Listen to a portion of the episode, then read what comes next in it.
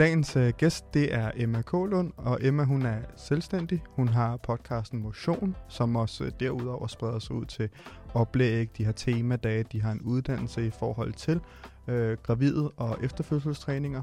Øh, derudover så har jeg kendt Emma, fordi vi har arbejdet i Fitness World sammen, og hun har bare sindssygt meget at byde på. Øh, hun er rigtig god til at sætte ord på de her indre øh, dialoger og, og lignende, men som alle jo selvfølgelig har. Og derudover så har hun selvfølgelig også et, øh, et konkret syn på det at være mor, og det at, at gøre andre kloge på, hvad, øh, hvad det ligesom indebærer, specielt i forhold til selvfølgelig sundhed og aktivitet. Så jeg håber, I vil give det et lyt. Det, øh, jeg synes virkelig, det er et spændende afsnit, og vi kommer ind på nogle rigtig, rigtig spændende emner, som jeg som mand heller ikke nødvendigvis øh, stifter bekendtskab med så let. Så øh, glæder jeg. Fedt. Hej med. Hej, og Markus. tak fordi du vil være med i min podcast. Det er jo slet. Min podcast, den hedder Mantra, og øh, det ved du formentlig, hvorfor den gør. Men til dem, der ikke gør, så er det fordi, det handler om folks mantra. Det handler om de valg og fravalg og bum på vejen, de har stødt på i løbet af der, hvor de er nu. Og øh, hvordan de efterfølgende, kan man sige, har reflekteret over det, og måske har set, hvilke ting, der i virkeligheden har formet der, hvor de er nået til nu. Grunden til, at jeg gerne vil have dig med, og har været sindssygt spændt på det, det er fordi, for det første er du min første kvindelige gæst, mm. og Mhm. det er jeg sindssygt glad for. Øh, men derudover så er det også, fordi du laver selv podcast. Du øh, er inden for træningsverdenen. Du, hvad skal man sige, arbejder meget struktureret i dit virke. Men så har jeg lagt mærke til, at på Instagram, der er du også god til bare lidt at lade følelser og tanker komme Mm. sådan lidt ud. Og det vil jeg sindssygt gerne dykke mere ned i. Mm. Så det er, det er derfor, at, øh, at jeg har inviteret dig med i dag. Ja. Um, altså, jeg er virkelig bedre over, at jeg får lov til at være den første kvindelige gæst. Ja. Det, det er jeg meget glad for. Jeg, også, jeg tror, at da du inviterede mig ind, det første, jeg spurgte om, det var sådan, er jeg interessant nok? Altså, Ja. har sådan en, har sådan en øh, kedelig mor som mig nok øh, perspektiver at komme med? Eller, ja, ja, og det, igen, der, det er måske noget af det, vi kommer til at dykke lidt ind i, det der med sådan selvopfattelse Ja. og selvfortælling. Det, øh, Præcis. Jeg tror for mig, så blev det rigtig tydeligt, ikke fordi at, som vi måske i virkeligheden begge to øh, lagde mærke til, da vi stødte på hinanden i toget for ikke så længe mm. siden. Mhm. Så samtalen var sådan rimelig flydende, selvom at vi blev mast i øh, et S-tog fra Herlev til, til Københavns Hovedbanegård. Men derudover så lagde du også et, øh, et opslag op, hvor du talte om det her med bestyrelsesmedlemmer. Og øh, jeg kunne godt lide måden, du formulerede det på, øh, hvordan du snakkede om, at der var kommet en ny stemme til. Mm. og noget nyt, man skulle forholde sig til. Øh, måske i virkeligheden omkring, hvad man fortæller sig selv.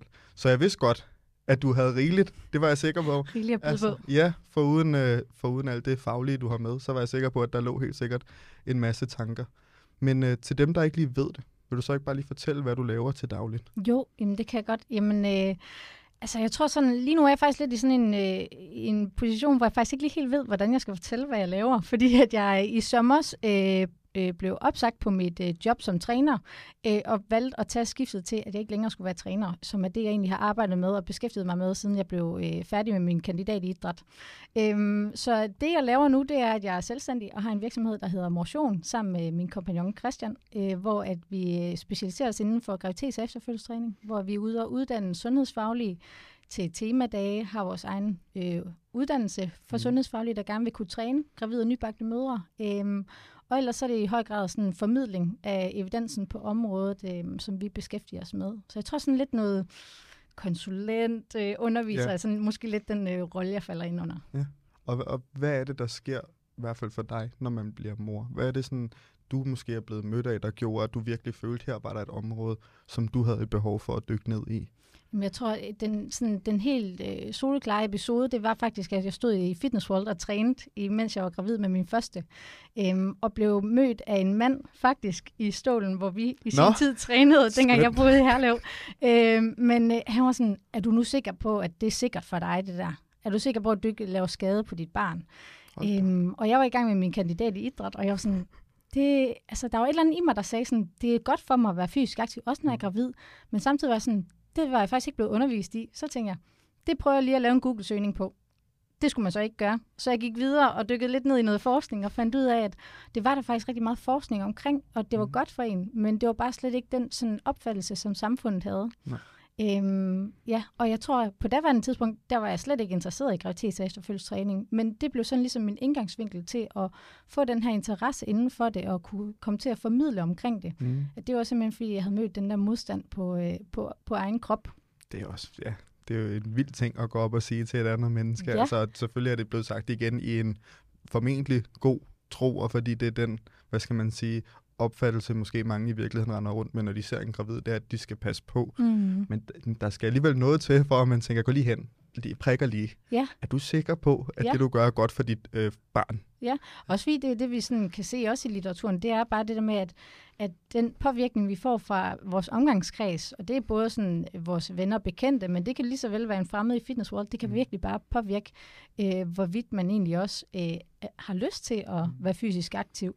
Øhm, ja, og så tror jeg bare, at så følger jeg lidt, at der var, øh, der var, der manglede simpelthen nogle sundhedsfaglige, der, øh, der omtalte det her, og rent faktisk ud fra et evidensbaseret område. Mm. Øhm, og så gik der øh, noget tid, hvor jeg lavede nogle sociale medieopslag, og var egentlig bare træner sådan, som beskæftigelse. Jeg lavede det bare egentlig for at få øh, klienter. Ja. øhm, og så efter noget tid, så faldt der en, øh, en besked ind i min indbakke fra øh, Christian, som jeg har motion med, og vi fulgte godt hinanden, og havde under corona sådan lige liket lidt af hinandens opslag, og så skrev han til mig, at, øh, at vi var sådan de eneste to, der rent faktisk havde kildereferencer på vores Instagram-opslag. Okay. Øhm, og at øh, vi havde nok den samme fælles frustration omkring, hvad det var, der, vi ligesom så i den her branche. Mm. Øhm, om vi ikke bare skulle ringes ved for at finde ud af, hvordan kunne vi måske slå os sammen for at kunne råbe lidt højere omkring Mm. det her. Øhm, og det gjorde vi, og så skulle jeg til at sige, tre år efter, så, øh, så står vi nu her i dag, hvor det egentlig er vores, øh, vores beskæftigelse mm. og, og arbejde med det her. Og hvordan, altså hvad er sådan, udover selvfølgelig, at det er evidensbaseret, hvordan sørger man for at komme ud til folk på en måde, der heller ikke skaber mere frygt? Fordi altså, ja, hvordan, hvad er jeres indgangsvinkel i forhold til det? Jeg tror, det er enormt meget at være lyttende over for os, hvilke bekymringer har de, Mm. så at man ikke pålægger dem unødige bekymringer, men man egentlig også møder dem lidt der, hvor de står, også i forhold til, jamen, er de måske vant til at være fysisk aktive, Ja. eller er de ikke fysisk aktive? Øhm, og så tror jeg også, forskel, den store forskel er, at vi tror rigtig meget på, at kvinden faktisk selv har svaret inde i sig selv, om ja. det er godt for hende eller ej. Øhm, hvis hun tror, at det er dårligt for hende, så kan vi jo selvfølgelig hjælpe hende med at øh, få en åbenbaring omkring, hvilken forskning der ligger. Sådan. Ja. Men, men jeg tror også, at det kræver også, at hun er villig til at kunne, øhm, kunne være åben og nysgerrig på den her proces. Så at vi tror på, at hun har en grad af autonomi og sådan medbestemmelse over for, at hvad hun faktisk har lyst til at gøre i sin graviditet, og at, at det der ikke er udefrakommende, der skal komme og, øh, og komme op og presse noget ned over hovedet på hende. Nej, fordi det, ja, det er vel i virkeligheden også, altså det I lægger meget vægt på, synes jeg, jeg kan fornemme, det er, at du skal ligesom tage udgangspunkt i dig selv. Så sådan, hvis du kunne løfte x antal før, mm. så Mm. kan du formentlig stadig blive ved med det. Hvis det føles forkert, så skal du selvfølgelig lade være, men sådan, ja, jeg tænker, at det må være, det må være rigtig rart for rigtig mange kvinder, fordi i forvejen må det være sindssygt angstprovokerende at gå ind i et træningscenter, Mm. når man er gravid, og man ved, at kroppen ændrer sig, og altså, kan man overhovedet performe, yeah. som man plejer, og i forvejen er fitnesscenter måske ikke det bedste for ens øh, selvværd og, og kropsbillede og lignende, så jeg tænker sådan, det for mig vanvittigt, altså godt projekt at, at give i kast med. Det kan man selvfølgelig også se, fordi det ikke kun er en podcast mere, det er ikke mm. kun er altså jer to, der skriver på Instagram om, at, at det, I laver, er det eneste, jeg gør, Ja. men at der faktisk er et publikum til det, og at det faktisk er vokset, ikke? Ja, og jeg tror også, det er fordi det her med, at vi, vi vil gerne tilbyde fleksibilitet og frihed frem for øh, forbud og restriktioner. At det der med at øh, selv bare, hvis øh, kvinder så i de tilfælde øh, finder ud af, at det er for tungt for mig at løfte, jamen hvordan kan vi så i stedet for at sige, at den her øvelse må vi ikke lave, jamen hvordan kan vi måske nuancere det, så at Mm. man godt kan lave bevægelsen, kan man lave nogle tilpasninger i selve bevægelsen, eller i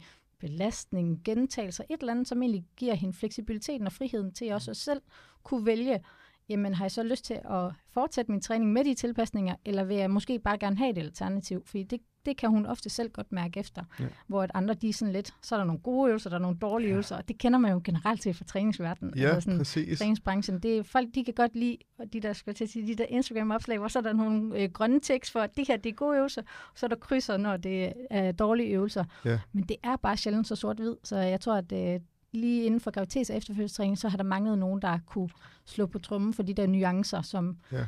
Mange andre også har gjort generelt inden for øh, træningsbranchen, men øh, der er måske nogen, der har haft lidt sådan berøringsangst over for øh, gravitets- og efterfølgelsestræningsområdet. Ja, også fordi, at jeg føler, at i forvejen er der, som du selv siger, rigtig mange af de her, nu kalder jeg dem myter, men sådan, altså øh, knæ over tær, når du squatter. Mm. Og så er det sådan, så har man også bare fundet nogle, nogle øh, det man selv føler skrækeksempler for gravide, altså delte mavemuskler, og altså at man ikke må dit og dat. Og det er, jeg føler også bare, at det er folk, der bare gerne vil skabe frygt for at skabe frygt. Og jeg, altså. jeg ser det faktisk tit som om, at det er folk, der gerne vil passe på dem. Ja. At, øh, at lidt Okay. ligesom ham i Fitness World, der spørger, om det nu er sikkert for mig. Jeg tror egentlig, at han, øh, var i sin bedste mening, da han spurgte mig. Jeg tror faktisk slet ikke, at han var så øh, anklagende, øh, som jeg måske har oplevet mm. det i situationen, men at han egentlig faktisk troede, at han passede på mig ved at spørge det. Men fordi jeg godt ved, hvordan min krop den responderer på træning, jeg træner i mange år, også inden jeg blev gravid, at mm. så, øh, så tror jeg bare også sådan, jamen det, jeg ved det godt, hvad der er, er godt for min krop, og, og jeg vidste, at det var godt at træne, og det er det også, men men det var ikke lige det, han, han... Det kunne godt være, at han rent faktisk havde reddet mig, hvis ja. nu situationen havde været en anden. Ja, ja. Så jeg ser det faktisk mere som om, at øh, der er selvfølgelig også nogle sundhedsfaglige, der gerne vil lukrere på det og skabe en forretning. Ja. Men, øh, men jeg tror sådan, at øh, de fleste pårørende, de er velmenende. De er bare også uoplyste omkring, mm. hvad er rent faktisk øh, godt for en, når man er gravid. Ja, Nej, det er selvfølgelig rigtigt. Jeg ved ikke, jeg tror også, altså sådan nu taler jeg bare ud fra mig selv, men mm. fordi det er en, øh, et, en ting, som mænd ikke kan opleve. Man kan kun se på det udefra, mm. og man ser, hvor voldsomt altså, det ser ud udefra i forhold til, at der vokser et menneske inde i, i kroppen på en. Så tror jeg også bare, at det måske i virkeligheden skaber sådan en, øh, hvad skal man sige, frygt eller lyst til at passe på for mænd, fordi de, de har jo ikke følelsen mm. at du kan jo stadig føle dig lige så stærk, du kan stadig føle dig alle de her ting, men udefra set, så virker det jo som om, du i forvejen bærer på en hel masse, nu skal jeg måske i virkeligheden bare passe på dig, mm. så det, ja, det kan sgu også godt bare være det, fordi, i hvert fald for mig selv, at der måske bare er sådan en, øh, ja, følelse af, at man skal passe på, fordi mm. det er en voldsom proces, ikke? Ja, og jeg tror også, det der, som du i tale sætter det med, jeg tror også, det kan være svært at være mand til en gravid mm. øh, kvinde, at fordi at de er jo ikke en del af den der symbiose og sådan noget. Nej. Det kunne jeg da sådan se på min egen mand, at, at det var måske bare ikke lige så realistisk for ham, den der graviditet, og der rent faktisk var et barn. Fordi jeg kunne mærke alle de der indre fornemmelser, og mærke barnet vokse, og mærke, hvordan det ændrede min krop, og sådan mm. de kropslige fornemmelser. Og han vidste jo ikke en dyt. Nej, han kunne præcis. bare se, at jeg gradvist blev større og større, og så vidste han, at der er den her dato, der kommer et barn. Mm.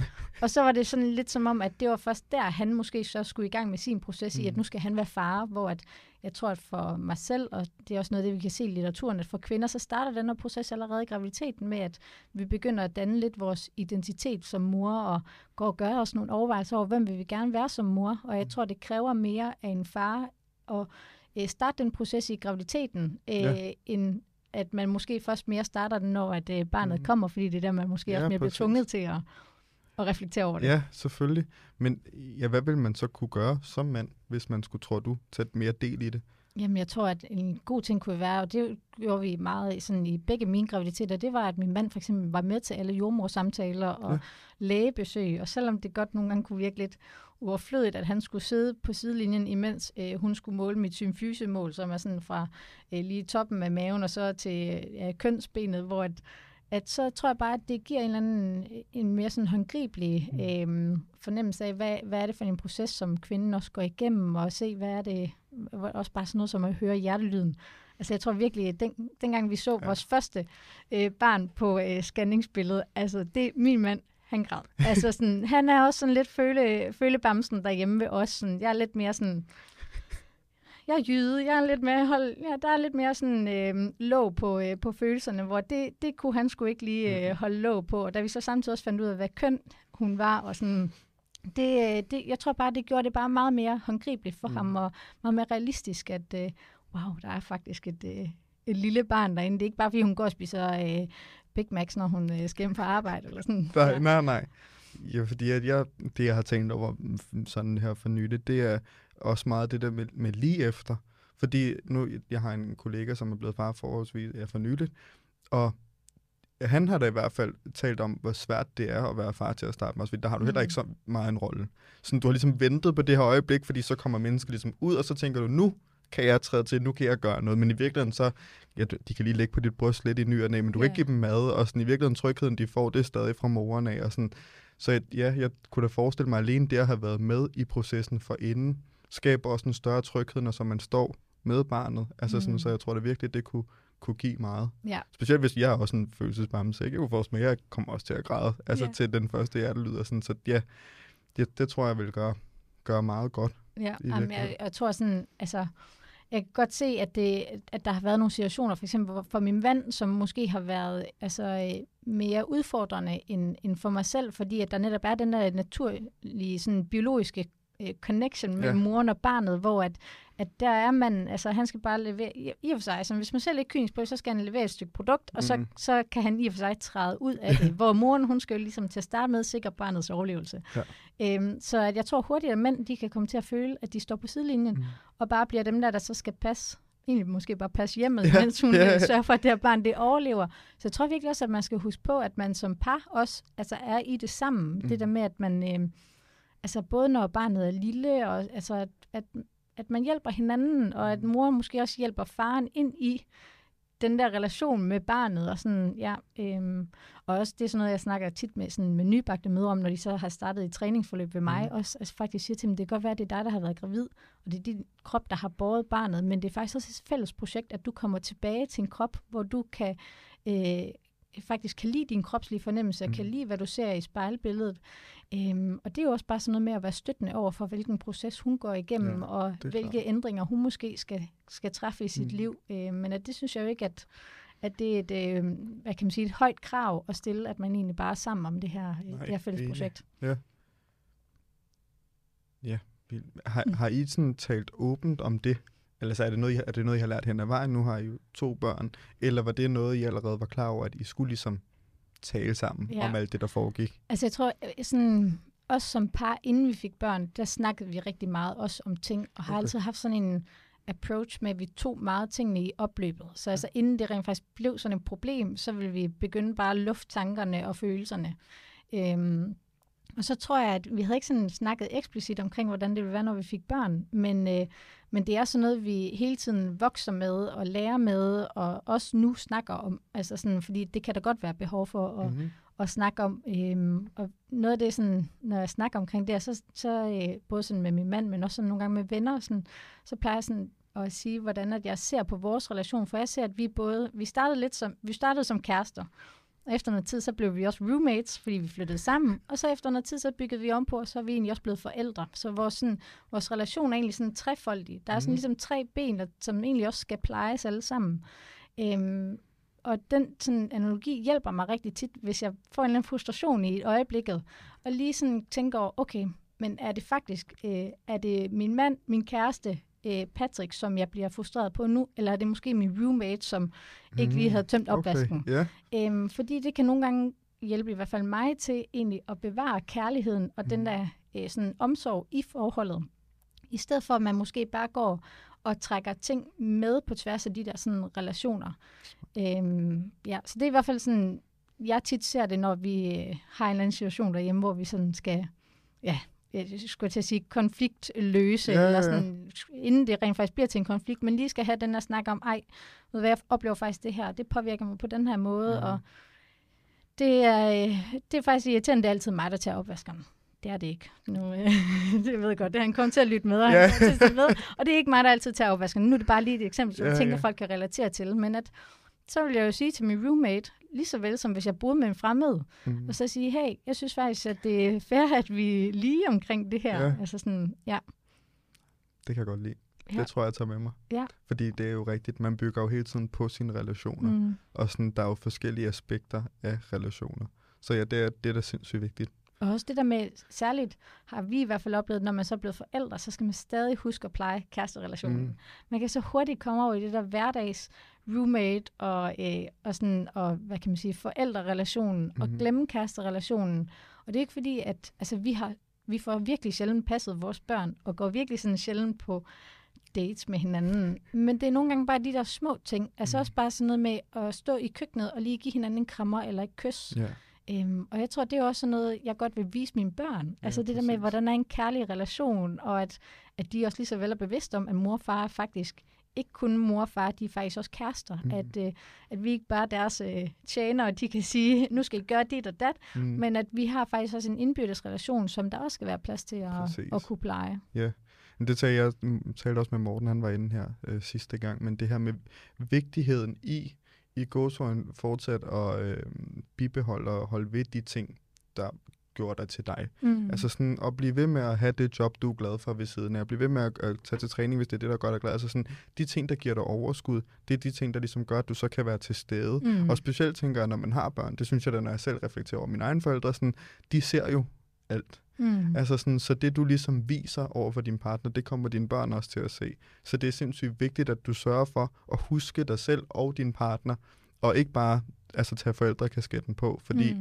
min tanke er, at der følger så meget ansvar med som forældre, at det kan nemt bare hedde, at det er nummer et. Mm. Fordi hvorfor skulle det ikke være det?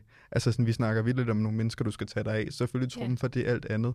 Men sådan, jeg tænker, for at blive lykkelig og for ikke at glemme sig selv, så er man nødt til at bibeholde de ting, der i forvejen gjorde til den, man mm. var, og til den, man faldt for i, i tilfælde af relationen. Ikke? Altså. Ja. Jamen, jeg har altid vægtet højt det der med at øh, huske iltmasken på mig selv, før jeg giver de andre den på. Ja. Altså, jeg kan ikke være noget for nogen andre, hvis jeg ikke er noget for mig selv. Øh, og for mig er det for eksempel at træne. Mm. Øh, og jeg plejer at sige, kan jeg få lov til at træne en time om dagen, så de resterende 23 timer, så kan jeg være så uselvisk, og jeg kan bide så meget i mig, og jeg kan lade være med at gå på toilettet, øh, og lade være med at gå på toilettet alene, og sådan nogle helt basis ting. yeah, yeah. Øh, fordi jeg har fået lov til bare lige en kort periode at være totalt selvisk og gøre mm. noget godt for mig selv, få ildmasken på, mm. og så kan jeg komme hjem og slukke ildbranden og, øh, ligesom være der for de andre. Ja. Øhm, fordi det er sådan noget, jeg også tit ser, det der med, at mange øh, forældre, de godt kan glemme sig selv. Altså sådan, også bare sådan noget, det har vi snakket meget om derhjemme, det med, øh, jeg ved faktisk ikke, nu ved jeg godt, at jeg træner, og det vil mange betegne som en hobby. Jeg, fordi jeg nok har været i det erhverv, så ser jeg det ikke som en hobby. Men, men jeg, sådan, jeg sagde til min jeg har ikke nogen hobbyer jeg har ikke nogen hobbyer. Jeg, hvad, hvad lavede jeg, inden jeg fik børn? Jeg ved det virkelig ikke. Jo, så gik vi nogle ture og sådan noget, jeg læste nogle bøger og sådan noget, men jeg har ingen hobbyer. Og jeg, sådan, jeg vil gerne have en hobby. Jeg skal have en hobby. Det er sådan, ja. jeg bliver nødt til at finde ind til, hvem er jeg igen? Altså sådan, også fordi, at nu, den yngste, han er to et halvt, så nu begynder der også at komme noget ro på til, at, at vi også begynder at kunne sådan se den der frihed, både sådan for os som altså respektive individer, altså, og egentlig også sådan som par, altså kigger ind i, en, hvordan skal vi også være kærester sådan, ja, længere fremme. Ja, præcis. Øhm, der tror jeg bare sådan, for mig selv, der var sådan, jeg har brug for noget andet også at gå op i, og jeg har altid været så fokuseret på, at alting det skulle gå hurtigt, og der skulle være fremdrift og uddannelse, job, og det skulle bare køre, og sådan, hvor der kunne jeg godt mærke, at her i sommer, der havde jeg bare brug for lige at stoppe op og være sådan, nej, jeg har faktisk også brug for bare måske også at være til, og mm-hmm. egentlig også bare ikke skulle gennemføre den her, det her spil, der hedder livet, og gennemføre det hurtigst muligt og, sådan, og bedst muligt, men egentlig også bare kunne, kunne nyde det og kunne, øh,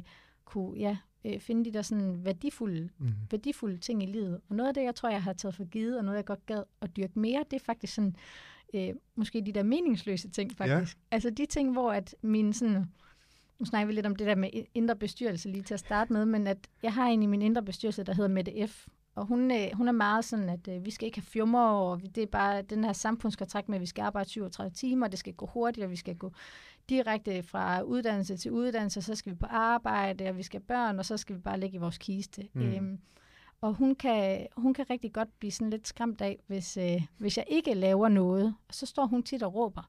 Men jeg har brug for faktisk at udfordre hende på den. Mm. Altså sådan, og egentlig faktisk også øh, nyde de der små stunder, der kan være, hvor det har bare måske ikke nogen mening. For eksempel at sidde og spille Playstation. Ja. Jeg har altid været sådan, hvorfor, hvor, hvorfor er det min mand, han spiller Playstation? Men jeg forstår det nu.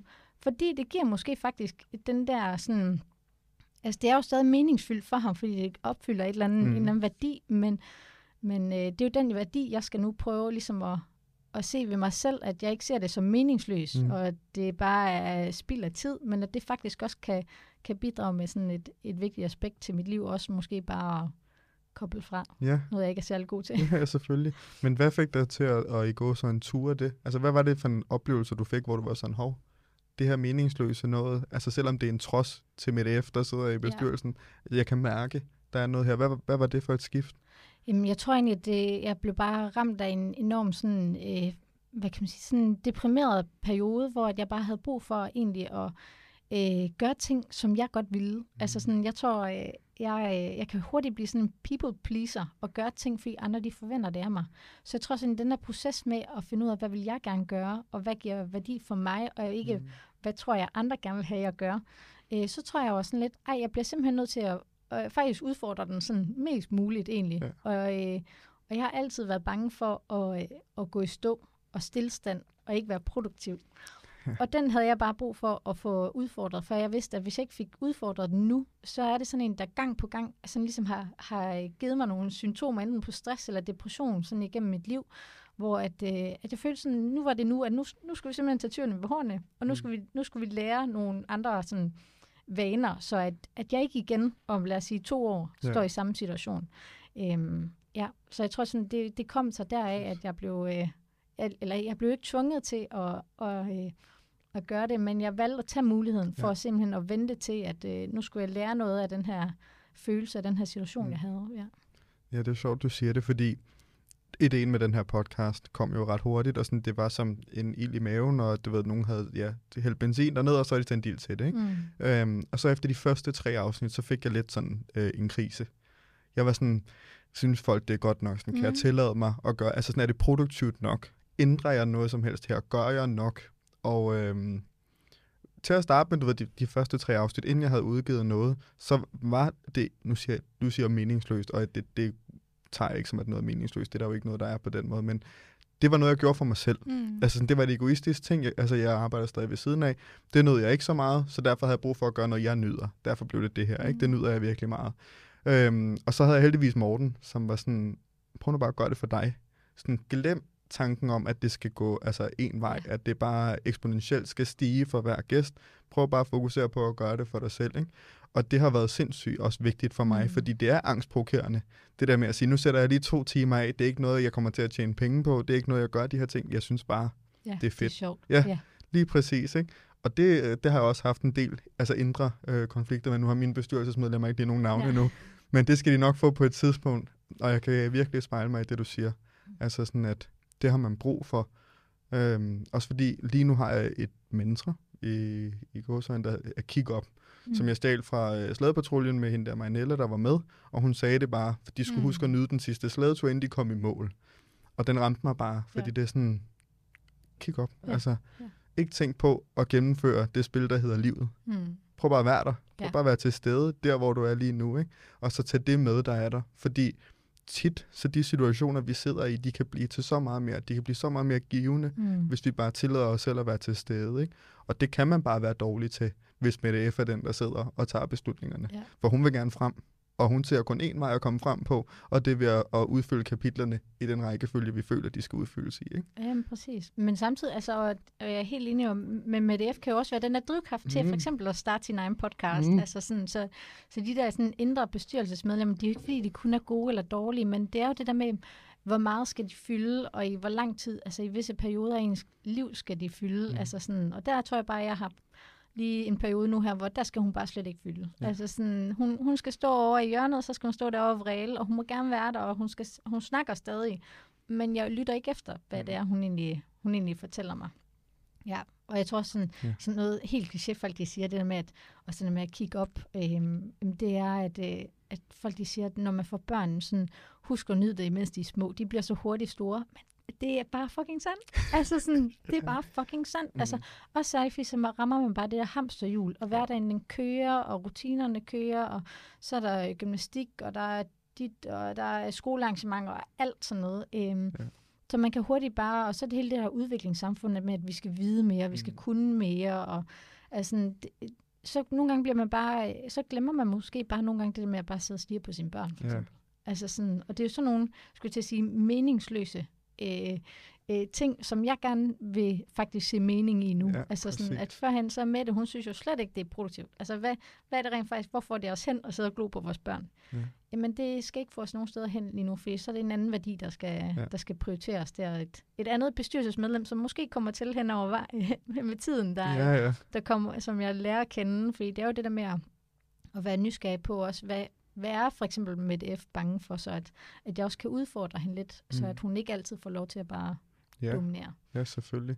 Jamen, jeg synes også, altså nu, jeg har en, en min lille søster, som bliver 18 lige om lidt, det er ikke, fordi det er jo ikke mit barn eller noget, men sådan, det, at hun er blevet 18, kan mm. jeg jo slet ikke forstå. Nej. Altså sådan, fordi der er 10 år imellem os, så jeg var altså sådan en del af den der proces med at, du ved, skulle få hende op om morgenen og alle de der ting, den var jeg jo med i. Jeg var ikke bare tilskuer, jeg var også med, jeg hentede hende også fra børnehave og, og vuggestue mm. og så Mm. videre, ikke? Så jeg, har, jeg kæmper vildt meget med at forstå, at det der lille menneske der er, er voksen, og nu er jeg også så heldig, at jeg har et gudbarn, og det går også alt for hurtigt. Mm. Altså sådan, fordi det er min bedste kammerats øh, søn, og jeg får jo ikke set dem på den måde så ofte, og så går det bare virkelig op for en, mm. hvor hurtigt de vokser op. Og Ja. sådan, ja, jeg synes, nu så jeg et klip øh, med Christian Fuglendorf, jeg tror han er inde i Ludvigs podcast, hvor han snakker om det her med, at når man er frustreret på sine børn eller sådan lignende, og så tænk på den her tidsrejsende, som så, hvad hedder det, du får kun lov til at gå altså tilbage til et sted, mm. og det er lige nu.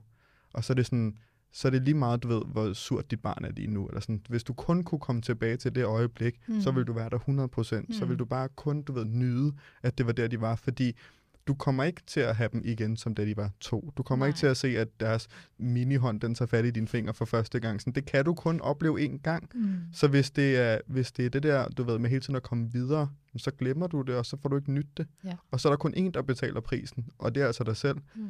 Så sådan, det er virkelig vigtigt i gåsøjne at være egoistisk i de tidspunkter, og så skubbe med F lidt væk. Ja. Altså, fordi hun ved det ikke. Nej, nej. Hun tænker på sikkerhed, hun tænker på stabilitet, hun tænker på tryghed. Altså mm. det er det, hun gerne vil befinde sig i. Ikke? Det er, at, at folk skal have det godt, og du skal have det godt. Hun tænker ikke så meget på den følelsesmæssige værdi. Mm. Så det er virkelig, ja.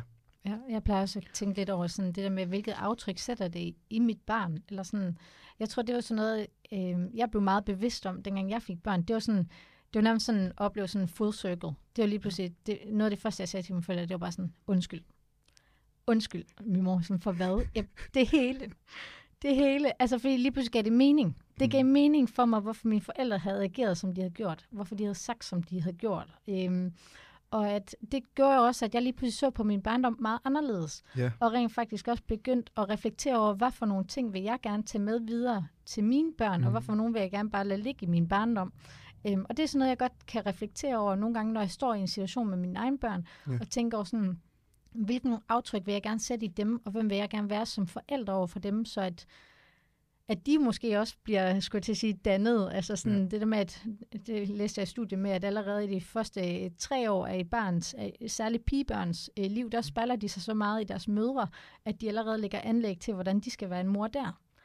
Der var jeg sådan, uh så skal jeg simpelthen lige til at reflektere over Anne, øh, mine øh, handlinger og øh, de ting, jeg siger. Fordi jeg tror, det første råd, vi også fik, dengang vi startede i, i vuggestue, eller vi startede jo ikke i vuggestue, men øh, vores datter startede mm. i vuggestue, det var også, at, at børn, de er simpelthen bare små spejle. De ja. gør og siger, som vi gør. Så at, er der noget, du kan lide, de gør, så øh, peger fingeren tilbage mod dig mm. selv og kig på dem, hvad er det så rent faktisk, du gør, som de jo så egentlig bare mm. efterligner.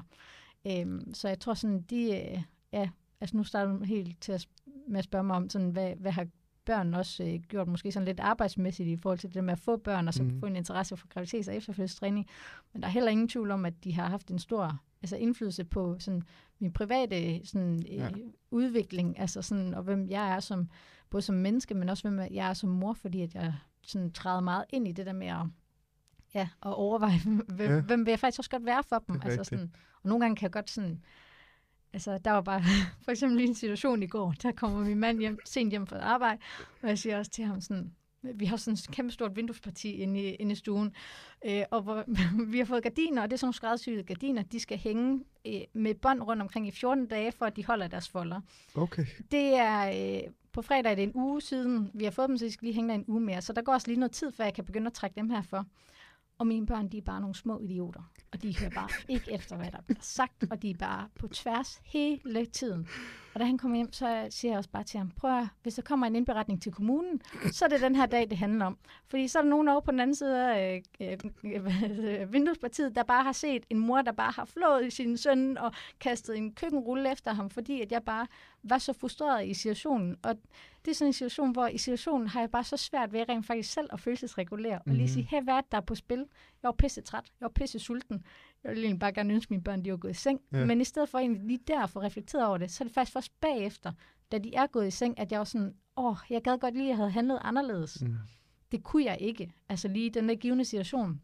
Men det er jo sådan noget, jeg nogle gange lige tager med, fordi jo flere gange jeg også øh, øver mig i at reflektere over det, så nogle gange så så afføder det også en, en ændring, når at jeg så står i samme situation, at jeg mm. tænker, åh, oh, jeg kan bare huske den der knude i maven efter sidste gang. Ja. Hvis nu jeg lader være med at kaste øh, køkkenrullen og bare øh, flår i ham, så er det måske bare lige 10% bedre, mm. og så kan man sådan med tiden nærme sig til at, at kunne være den forælder, man egentlig også godt vil være. Det er smart. Ja, ja, ja det er jo rigtigt. Altså, børn er jo endnu mere noget, man, altså, som spejler sig i en, i ens partner og alt muligt andet. Det er meget sjovt. Jeg tror, nu, nu siger jeg, når jeg kan ikke huske længe siden jeg har gået i skole, ikke? Øh, Ludvig Holberg, jeg tror, jeg har øh, spejlteorien, som han brugte i sine uh, teaterstykker og lignende, som jo handlede om at have bestemte figurer, der portrætterer øh, træk hos mennesker, mm. som de formentlig ikke vil stå ved, men det er det, der bliver hyldende morsomt, når så de sidder og ser det, fordi de kan genkende, du ved, det, der bliver portrætteret. Øhm, og hans årsag til at gøre det var jo præcis det samme. Han vil gerne tvinge publikum til at tænke over, du har selv mm. det her træk. Ja. Altså sådan, det, det er der, det kommer fra. Jeg har ikke fundet på det, ja. og jeg føler lidt, det er jo, altså, det er jo det, børn gør det hver dag. Børn. Ja, det er det, de gør hver dag. og de bor bare hos dig, ja. bare 24 timer i døgnet. ja, altså. præcis. Og det, ja, det synes jeg, ja, det er sgu ja, vildt nok men, at tænke det er sådan, altså, der er flere gange været episoder, og nu kan jeg selvfølgelig ikke huske noget sjovt, men sådan, der er bare så mange alligevel også sjove episoder, hvor man er sådan, ej, mit barn går også og siger det der nu, eller ej, mit barn går også og gør det der nu, hvor man er sådan, det er så meget dig, skat, eller sådan, mm. ej, fuck mand, hun er bare ligesom mig, eller sådan, altså sådan, så det kan også være enormt morsomt at se, hvordan de ja. er små spejle og sådan noget, men, øh, men det er jo også sådan et, hvor et, særligt det der med, at det kan jo også bare nogle gange være de uhensigtsmæssige ting. Ja, altså, det er jo det. For eksempel, hvis man bander meget, så vil det jo være plausibelt, at man også får børn, der bander meget. Ja. Øhm, ja. ja. Jeg kan huske det fra mit, øh, mit gudbarn på et tidspunkt, så vi leger i sofaen og, og kaster sådan lidt rundt med hinanden og sådan noget der. Og så siger han et eller andet med, hvis du gør sådan her, så er du bare en... Altså, han siger jo et eller andet sjovt, han er ikke så gammel på det tidspunkt, jeg tror, han siger, så er du en kris eller sådan noget der, ikke? Og så øh, kører vi den jo bare videre, mm. og så kunne han, altså med hele sin seriøsitet, og han kiggede bare dybt ind i øjnene på mig, og så var han bare sådan til sidst, det aller sidste ord, så er du bare en... Og så tænkte han virkelig meget, tis. Og jeg ved ikke hvorfor, vel, men den har bare siddet lige siden, og sådan, han kan også, fordi vi bliver ved med at genfortælle det, huske det stadig, og sådan, ja. vi laver sjov med det. Men, men nogle gange er det også bare sjovt, det der med, at det er nærmest ligegyldigt, hvad du sådan giver børn af input, så tager de det helt ud af tangenten. Ja, ja. Sådan, de kan nærmest køre lejen, du ved, altså længere, end du havde forestillet dig muligt, ikke? Og det er jo så sjovt, altså. De er jo bare små væsener, der bare øh, tager alle indtryk ind. Ja. Altså sådan, så desto mere du dykker med ned i den der fantasi, de har gang i, desto større udbytte ender du nærmest med at få, ikke? Fordi der er ingen grænse mm. for der, hvor det kan ende. Jeg, jeg er vild med det. Ja, altså. De, er, altså, de er jo fantastiske, den måde, de er. Bare, altså, det, livet er jo, altså, de er jo også bare beviset på, at livet er bare en stor læreproces. Ja.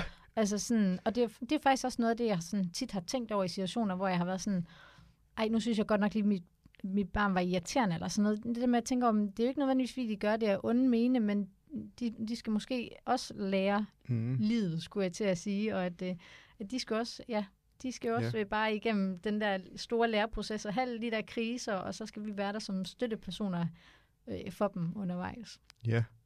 Ja, og så igen også, altså, jeg tror, der er bare igen den der øh, konstante anerkendelse af, at man er bare altså et menneske. Man kan mm. heller ikke gøre med det. Du kan ikke være perfekt forældre. Altså sådan, du kommer jo til at begå fejl, og du kommer til at kaste køkkenrulle efter den. Ja. Præcis, altså sådan, og det, det er da sindssygt hårdt, det er jeg sikker på, fordi man vil jo bare gerne det bedste for ens børn, men jeg, jeg tror også på, som du selv siger, at desto bedre vi bliver til at vise, at vi kan regulere vores mm. følelser, at vi kan navigere i det. Altså desto mere afspejler de det, ligesom alt muligt andet.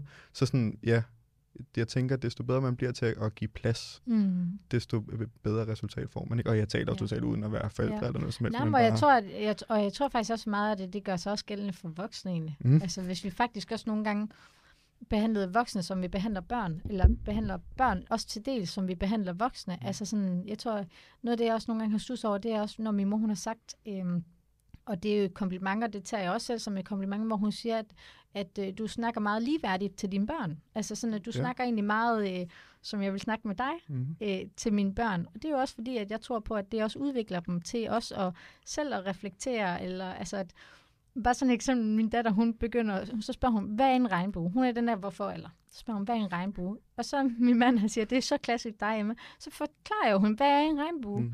Altså sådan, i stedet for bare sådan, oh, det er bare sådan noget magisk, noget der kommer, og så står der en guldkrukke for enden.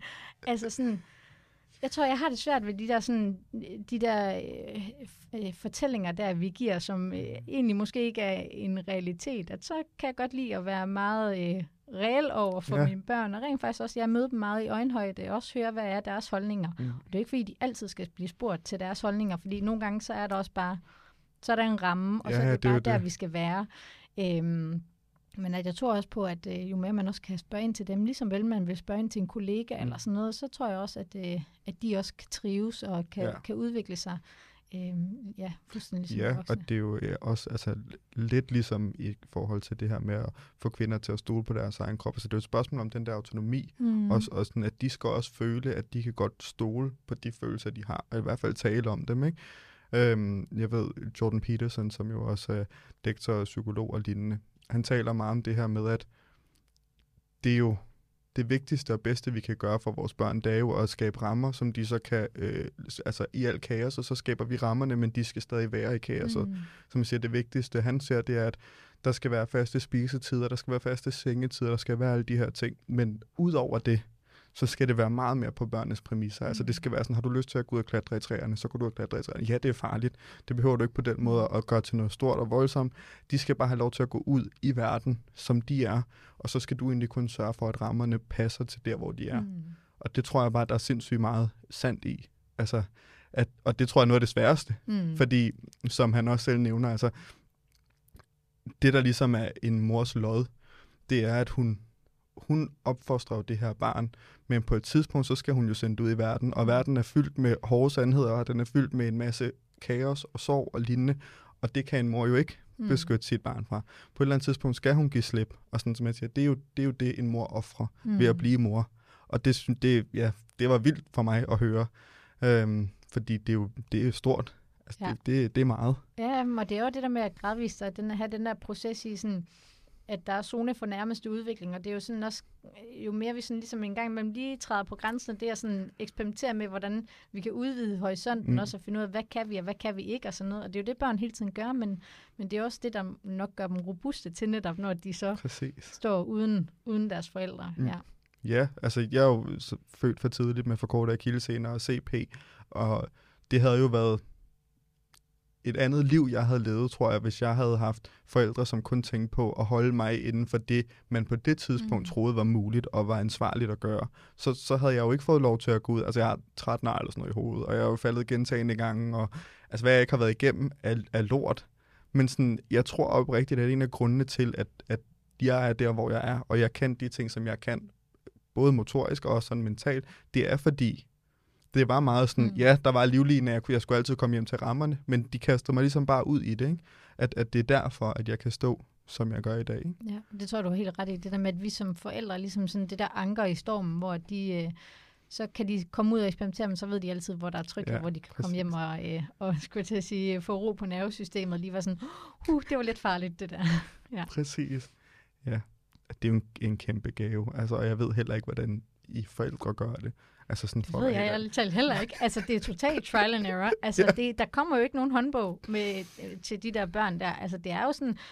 Det snakkede vi også lige kort om, inden, øh, inden vi øh, skulle have i studiet optage, hvor det var det der med, at sådan, ved første barn, og så til andet barn. Ved første barn, så får man tilbudt at være på det her barselshotel i, i, i tre dage, øh, inden man så tager hjem, og der er øh, personale, der kommer, der er folk, der laver mad. Det er, sådan, det er virkelig det er ret nice, og der er lige en snor, man kan trække i, hvis man lige pludselig begynder at panikke Mm. så kommer der en sygeplejerske og hjælper. Øh, barn nummer to, det er bare sådan fire timer efter. Værsgo, du går bare hjem nu. Vi går ud fra, at du, øh, du kan det hele. Og bare selv der efter tre dage ved første barn var man sådan, øh, den er manual der, hvornår kommer den lige? Sender I den på e-boks eller hvad? er ja, så altså sådan, det, det var virkelig sådan, det er bare trial and error, og man bliver bare kastet ud i det. Altså, og det er ud på dyb vand Mm. med det samme. Altså sådan, og så kan man jo, er der måske nogen, der er udrustet på en anden måde. Jeg har for eksempel også selv øh, stor storsøster, eller hvad man kan sige. Mm. At min søster, hun er, min lille søster er 9 år yngre end mig, og min lillebror, han er 12 år yngre end mig.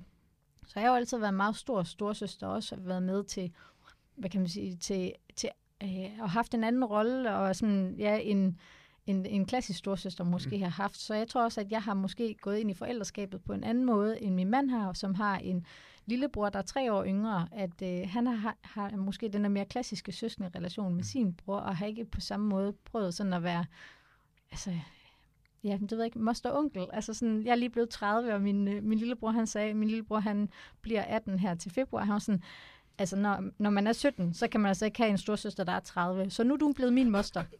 og jeg var sådan, ja, men jeg kan vide, om jeg egentlig måske bare har været din moster lige siden du blev født, faktisk. Altså sådan, fordi jeg føler på nogle punkter, at det mere har været den relation, vi Mm. faktisk har haft, og Ja. så er det først nu, hvor vi alle tre begynder at ramme den der kategori, der hedder voksen, at så, så begynder vi ligesom at være fælles og kan begynde at finde os som søskende.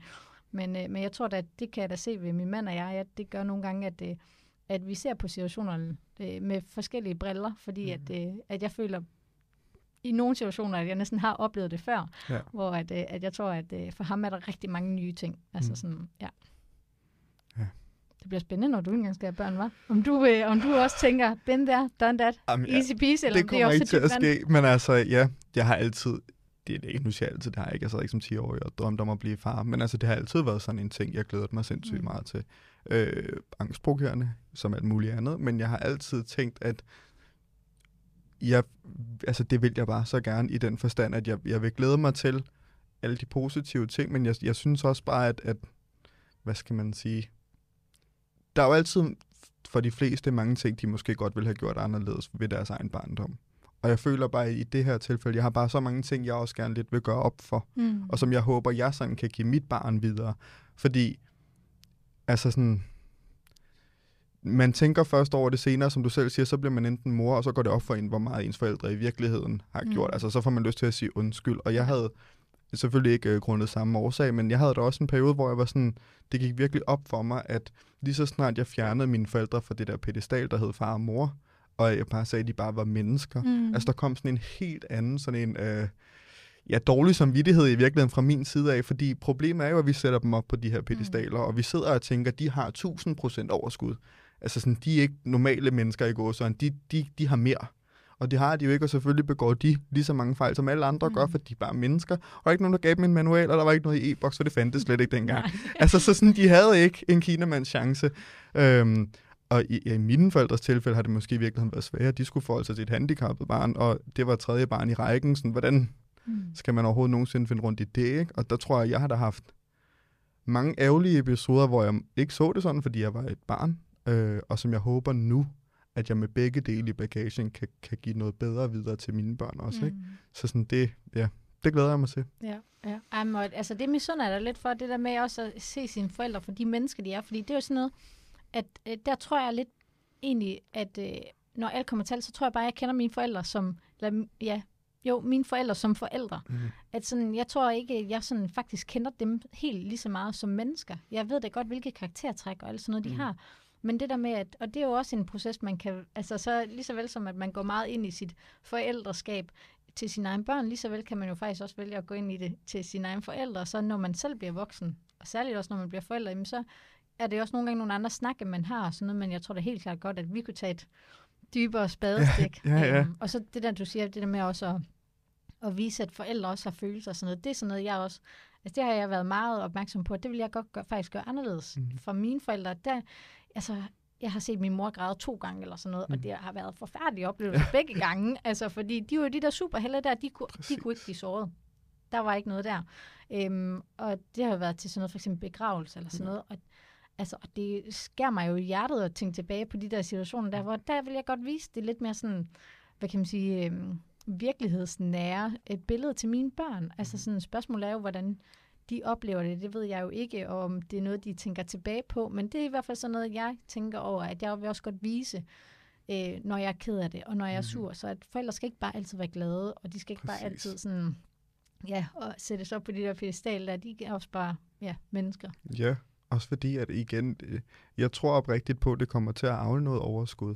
Fordi jeg, jeg forestiller mig virkelig, at mine forældre må have været på overarbejde. Mm. Fordi det er jo allerede nu, altså hvis man har en dårlig dag, whatever man skal på arbejde, Altså sådan bare den mentale stress af, at du i virkeligheden har det rigtig dårligt, men du skal jo være professionel, mm. fordi du skal på arbejde. Sådan, det tager jo sindssygt meget på en. Ikke? Så jeg, jeg håber og tror på, at ved at være bedre til det, og måske i virkeligheden også ved at give plads til sin partner endnu mere. Altså sådan åbner op for den dør, at du ved, man, man viser det. Begge to kan, kan skabe noget mere overskud, som børnene så forhåbentlig kan nyde godt af. Ikke? Ja, absolut. Jeg altså. tror da også, at børn, altså sådan, det kan vi generelt se på øh, vores børn, at, at de trives også meget bedre, når vi har det godt. Mm. Altså sådan, hvis vi er sure tvære, så bliver de også ofte sure tvære. altså lidt også den anden vej rundt, at de sure tvære, så kaster jeg med køkkenruller. altså sådan, men, men det, ja, jeg tror bare, ja, vi har tit sådan en indbyrdes øh, effekt på hinanden, både sådan, ja, børn og forældre, så at, at ja, bare være transparent omkring, at vi skal ikke altid have det godt. Og det er også sådan noget, apropos indre bestyrelse, som jeg også sådan øver mig i det der med, at man skal ikke altid være glad og være den der humørspreder og sørge for, at alle i rummet har det godt. Mm.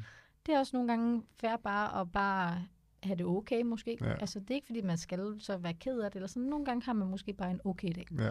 og det er også helt okay. ja. Jeg er så dårlig til det der stadig. Ja. Altså, det er virkelig en kæphest for mig stadig. Altså, Same.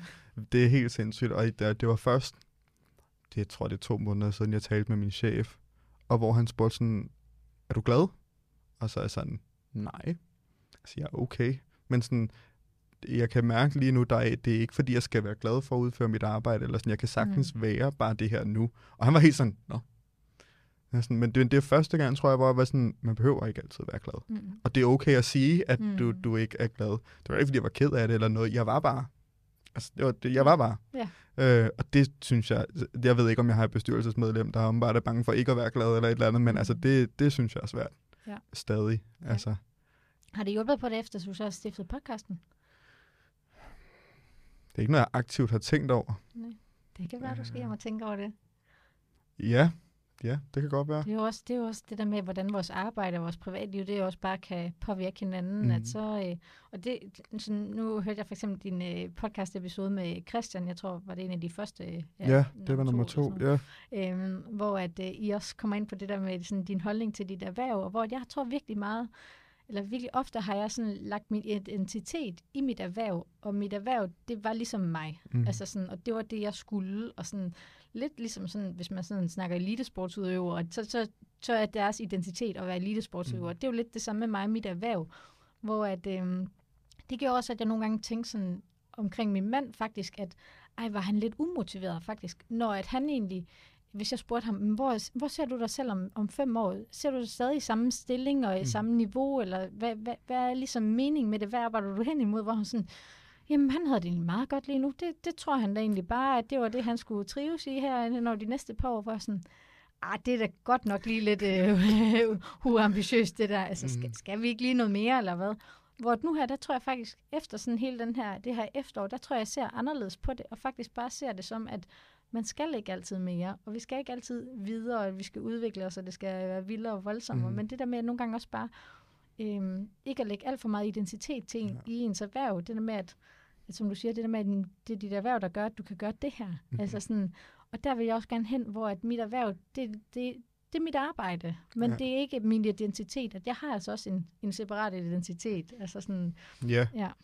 Jeg tror, det har måske senere, altså jeg her også op til podcasten, været lidt nemmere for mig, fordi at jeg føler, at meget af min kunde, kalder man det autodidakt, det er det jo selvfølgelig ikke, jeg har alt muligt, der har lært mig ting, men altså sådan, jeg har jo ikke en uddannelse inden for IT, og jeg Mm. har jo ikke de der ting. Altså det, der gør, at jeg kan være forholdsvis god til mit arbejde, det er jo de samme kompetencer, i virkeligheden, som jeg bruger her.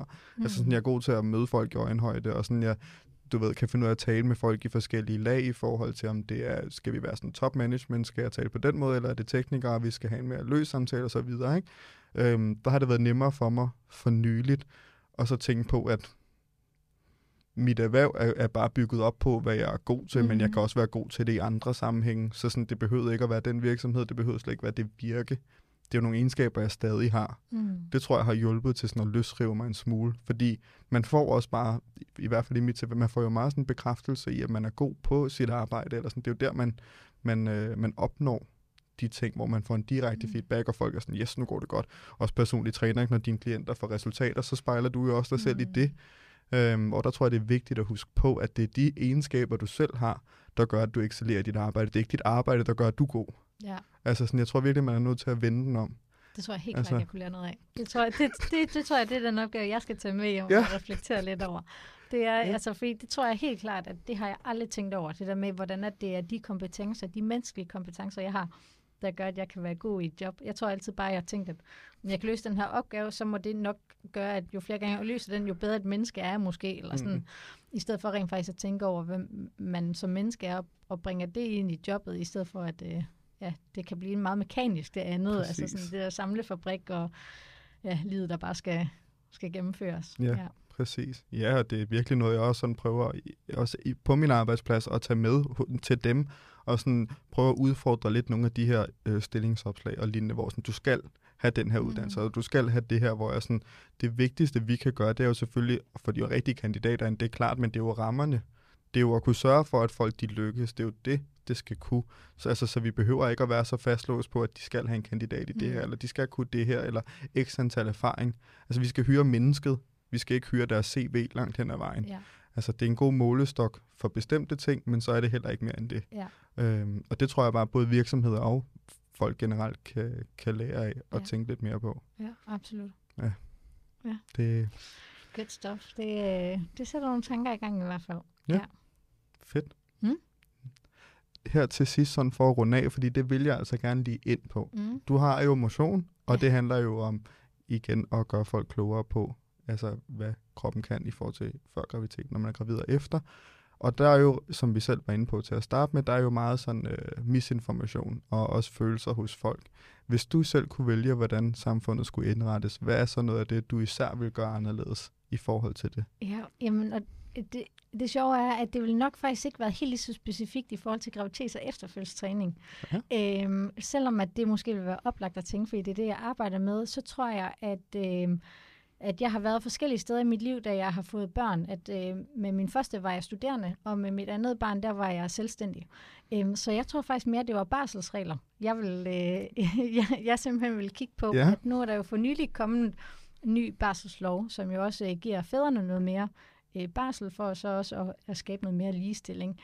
Øhm, jeg synes jo så måske lidt, at det er børnene, der begynder at betale prisen, fordi der er også nogle fædre, der ikke vil på øh, barsel, og at jeg synes jo også, at familier til en vis grad selv godt kan øh, ligesom, hvad kan man sige, øh, fordele den her barsel, øh, velvidende, at der er også nogen, der ikke kan. Men øh, jeg tror sådan, den her nye barselslov, det gør så, at øh, for eksempel hvis nu, at man er selvstændig mand, og ens kvinde, hun er, eller ja, jo, kone kæreste, øh, hun er, øh, er lønmodtager, så kan den selvstændige mand, han kan overføre sine øh, nye øh, eller ekstra barselsuger til kvinden, så han egentlig øh, kun skal have sine to ugers fædreoverlov, mm. som Mm. han ikke kan, øh, kan afgive. Ja. Øhm, men, øh, og så kan den kvinde jo egentlig ende ud med samme mængde barsel, som hun havde før. Men hvis du er selvstændig kvinde og har en mand, der er lønmodtager, Mhm. jamen han kan jo ikke overføre til mig. Jeg går overføre til ham. Det er fint. Så, så ammer han bare, eller giver flaske, eller så, så ruller han bare med det. Så går jeg på arbejde efter de otte ugers mororlov, jeg har. Mm. Øhm, men jeg tror bare, at øh, i hele den proces med de der sådan, øh, ja, nye barselsregler, der var jeg bare sådan, det er simpelthen ikke pas, at selvstændige kvinder skal være allernederst i det der hierarki, hvor at i forhold til, hvordan man står stillet med at faktisk selv at kunne bestemme, apropos det her med autonomi, Ja. selv at kunne bestemme i familien, hvordan vil vi gerne holde vores barsel. Mm. At der, øh, der føler jeg bare, at der er blevet ribbet lidt af den, af Ja, den okay. frihed ved faktisk, at, at man nu har, har lavet fordelingen lidt anderledes. Øhm, ja, så jeg tror faktisk mere, det var sådan noget, jeg ville... Men så øh, hvad, så du vil kigge på fordeling, eller er der sådan specifikt, er det fordi du tænker x antal uger er, er essentielt alt, Ja. altså sådan, hvad Jeg tror faktisk, jeg vil kigge lidt på, øh, hvad de gør i Norge, fordi at jeg synes også, at fædrene skal have mere barsel. mm. Det er slet ikke fordi, altså det, øh, nu øh, har vi haft lidt anderledes situationer, så den ene gang var der lockdown, hvor far jo så også var hjemme på grund Mm. af, at arbejdet var lukket ned, og den anden gang, der var han på dagpenge, så vi har virkelig også kunne se, hvad det har kunne bidrage med, at far også har været en del af barslen. Ja. Øhm, og det synes jeg helt klart også skal være en del af det her sådan barsels puslespil, men jeg synes, at man så skulle i stedet lade sig lidt inspirere hvad man gjorde i Norge, og egentlig bare lægge de ekstra uger til, så man faktisk fik flere uger til at være på Ja. barsel, og de ekstra uger gik specifikt til faren, så i stedet for at man tog den pulje, som er ligesom forældreoverloven, som man ja. kan dele ud, som man vil, at man så egentlig bare gav noget ekstra til faren for at sige, så det er det her, vi prøver at gøre for ligestillingen. Øhm, ja, også fordi, at jeg kender til flere, som øh, altså eksplicit er mænd, som har sagt, at de ikke vil på barsel. Ja. Og hvis de så er lønmodtagere, så kan de ikke overføre det til Nej. deres øh, kone eller kæreste, og ergo, øh, der går noget barsel tabt. Øh, jeg ved godt, der går en del år før, at man, det skal være afviklet. Jeg ved ikke, om det er inden børnene de er 8 år eller sådan noget. Men øh, hypotetisk set, så kan det være, at vi ender ud med nogle børn, der skal meget tidligt i institution. Og det Mm. tror jeg ikke nødvendigvis er godt i forhold til ja, deres udvikling, at, os sige, at vi altid skal sende vores børn afsted, når de er 6 måneder. Mm. Det, øh, det synes jeg personligt er meget, meget tidligt i hvert fald. Okay. Ja. Nå, ja, så lidt mere politisk. Ja, den har jeg slet ikke lige set komme. Jeg tænkte, at vi skal ind i noget specifikt, sådan i forhold Ja. til, måden vi taler om ting på, men du er meget, Ja, du ved godt, hvad du vil ændre. Altså, Ja, det, der ja. var ikke noget abstrakt eller koncept i det, det var du sådan rimelig afklaret ja, med. ja det, jeg tror, det er fordi, det er sådan noget, jeg har tænkt meget over, selvom jeg ikke blev ramt af de nye barselsregler. Øhm, så havde jeg da tænkt meget over, hvordan øh, mig og min mand vi ville stå i den situation, Ja. fordi at jeg også er selvstændig, øh, Ja. ja. og også var det med, med vores barn nummer to. Øhm, og jeg kan da høre, at det er sådan noget, der er også øh, bare det der med, om man skal få et barn, når man er selvstændig, og hvor mange Præcis, børn, ja. og hvordan gør man med at være på barsel, når man er kvindelig selvstændig. Det kan jeg bare høre, det skaber rigtig mange bekymringer for, for mange kvinder, som jeg kender i nok mest i træningsbranchen, som er, er selvstændige. Også sådan noget med, hvis man har en enkeltmandsvirksomhed, Ja. så lukker den altså bare ned. Med mindre, at du kan finde en eller anden balance i at måske arbejde øh, 25 procent og holde Mhm. 75 procent lukket. Eller, altså, der er jo også muligheder for at kunne arbejde altså, Ja. under, under barsel, men, øh, men det er jo heller ikke sikkert, at man har lyst til det måske. Nej, præcis. Altså sådan, det skal man jo også kunne respektere, at man også bare måske, igen det der med at bare være til, Ja, faktisk bare gerne vil nyde at være på præcis. barsel. Ja, og specielt fordi lige det, altså det der tilfælde, det er jo et meget sådan, det er herfra hertil. Sådan, du ved, det, det kommer heller ikke igen. Nej. Så hvis ikke, at man ligesom selv stopper op og siger, det gør vi nu det her. Ikke? Og det er sjovt, jeg havde aldrig tænkt over det, før jeg læste det et Instagram-opslag med en kvinde, der fortalte, hvor svært hun havde ved at melde sig syg Mm. som selvstændig. Og så sidder jeg og tænker, så skal du nok gange det med 100, hvis du skal tale om at blive gravid som ja. Selvstændig. Ikke? Ja. Fordi, hold kæft, altså så tror jeg, at bestyrelsesmedlemmerne på øverste etage, de kommer på arbejde. Altså virkelig, Så shit, bliver der en, forhandlet hen over Ja. ja. bestyrelsesbordet. er du galt en indre dialog, der Ja. må være i gang, ikke? fordi det, det er sgu svært. Ja. Altså, og det er igen også fordi, man rykker jo på noget tryghed. Mm. Altså sådan, det er jo, det, det er jo, ja, det er jo frygt, der avler frygt, og jeg føler, at i det tilfælde, så, så giver man ikke rigtig folk den tryghed, som de måske har behov for. Altså, for, fordi man kan ikke bare sige, "Nå, så jeg- bliver jeg gravid, og så er min Ja. enkeltmands virksomhed bare luk. Så lukker den bare. Ja, det Ja. kan man jo ikke jo. Nej. Altså, sådan hænger virkeligheden jo ikke sammen. Så det, ja. For nogle af det er deres virksomhed også deres måske første barn, hvis, Ja. de er, hvis det er en enkeltmandsvirksomhed. Mm. Så det kan jo lige så være, være lige så vemodigt, og så skulle sige Ja. ja. farvel til den i, i virkelig lang tid. Ja. Ja. Ja. Ja, men klart mere i den retning, Nå. tror jeg faktisk, øh, selvom at der også er mange ting inden for graviditets- og efterfødselstræning, jeg vil ændre, men, øh, men jeg tror lige, den der, den ligger mig lidt, lidt nærere, Mm. eller sådan i forhold til at, øh, at kunne ændre på noget. Fedt, Emma. Mm. Fedt, og tak fordi du vil være med. Det har altså været en fornøjelse, og jeg er glad for, at øh, skoene er blevet på. Det er ikke yeah. uldsokker nede på gulvet, så du kan, du kan finde ro og tænke. Det har været, øh, det har været en sand Ja, fornøjelse at have dig med. Hvis nu folk de tænker, at de ikke ved, hvad det er, vi snakker om, så kan det måske, måske være, det er noget på Instagram. Men øh, Jamen, det er bare, hvis folk ikke ved det, Ja. så har, har du jo lige sagt, inden vi starter podcasten, at øh, du kan ikke rigtig tænke nej, altid, hvis du har sko på. nej, jeg føler, at jeg tænker bedre, hvis jeg ikke har sko på. Ja. ja. Men det er jo fordi, jeg er vant til det der format med en computer foran, der er fakta. Jeg skal levere noget fakta. Ja. Og så føler jeg bare lige lidt ekstra frihed, hvis jeg ikke har sko på. Skønt. Tænker jeg bedre. Ja. At det skal folk jo bare tage med. hyggeligt. Ja, de skal da bare prøve det. Ja, altså det næste gang, er- de laver noget, smid skoene, Ja. uldsokkerne på. Præcis. Tankevirksomheden, den vokser bare. Præcis. Perfekt. Tusind tak, Emma. Det var så lidt.